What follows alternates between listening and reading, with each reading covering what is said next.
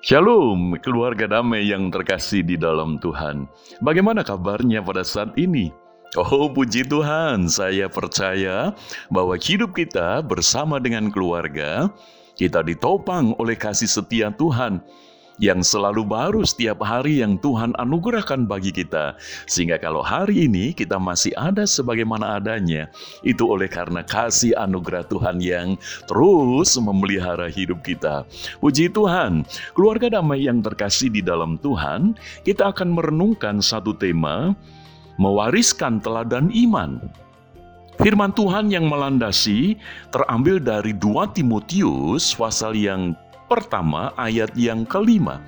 Firman Tuhan berkata demikian, Sebab aku teringat akan imanmu yang tulus ikhlas, yaitu iman yang pertama-tama hidup di dalam nenekmu Lois, dan di dalam ibumu Yunike, dan yang aku yakin hidup juga di dalam dirimu Keluarga damai yang terkasih di dalam Tuhan, Rasul Paulus ketika melihat Timotius yang relatif usianya masih muda, tetapi bisa memancarkan iman yang begitu luar biasa. Melalui kehidupan Timotius, banyak orang terberkati, yang susah dihibur, yang lemah dikuatkan, yang putus asa diberi pengharapan karena iman yang dimiliki oleh Timotius. Dan Rasul Paulus melihat iman yang dimiliki oleh Timotius itu adalah iman yang dimiliki oleh ibunya, yaitu Yunike. Dan iman yang dimiliki oleh Yunike itu adalah iman yang dimiliki oleh nenek daripada Timotius, yaitu mama daripada Yunike yang bernama Lois.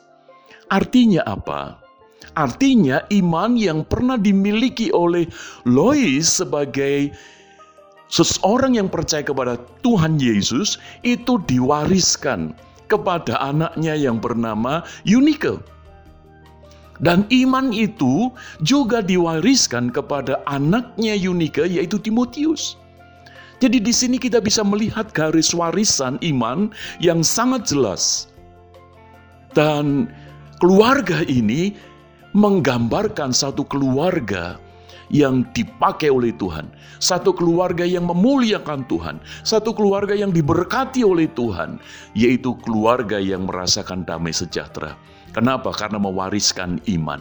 Ada keteladanan iman yang diikuti dari ibu kepada anak dan juga kepada cucu. Sehingga relasi mereka itu begitu indah. Keluarga damai, betapa sering kita melihat Keluarga-keluarga bukan hanya keluarga yang non-Kristen, tetapi juga keluarga Kristen pun sering kali konflik. Terjadi pertikaian, pertengkaran gara-gara warisan harta kekayaan. Dulunya kelihatan bahagia, tetapi kalau sudah berurusan dengan harta kekayaan dan itu akan diwariskan, bisa jadi itu menjadi sumber konflik. Pertikaian sehingga yang dulunya keluarga itu harmonis, tetapi sudah berurusan dengan warisan itu bisa kekeran, saudara. Maka itu mari kita melihat, harta kekayaan itu Tuhan yang akan tambahkan. Maka itu warisan yang paling utama adalah keteladanan iman. Maka itu jikalau saat ini kita sebagai orang tua, Biarlah boleh tetap memiliki iman yang kita teladankan, kita wariskan kepada anak-anak kita. Dan jikalau Tuhan mengaruniakan kepada kita generasi yang selanjutnya di mana kita bisa menyaksikan anak-anak kita ini berkeluarga, biarlah kita pun juga boleh melihat iman kita ada di dalam cucu kita. Karena keteladanan itu yang akan diwarisi oleh generasi selanjutnya. Sehingga hidup kita sebagai keluarga tetap memuliakan nama Tuhan. Kiranya Tuhan Yesus memberkati. Keluarga damai, mari kita berdoa bersama-sama. Bapak Surgawi, jadikan kami keluarga yang bisa mewariskan keteladanan iman kepada anak cucu kami.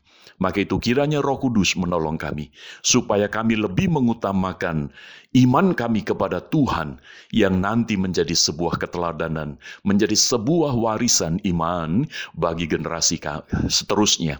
Maka itu ya Bapa, kiranya roh kudus menopang setiap kami sebagai keluarga-keluarga damai. Terpujilah Engkau Bapa. Di dalam nama Tuhan Yesus kami berdoa.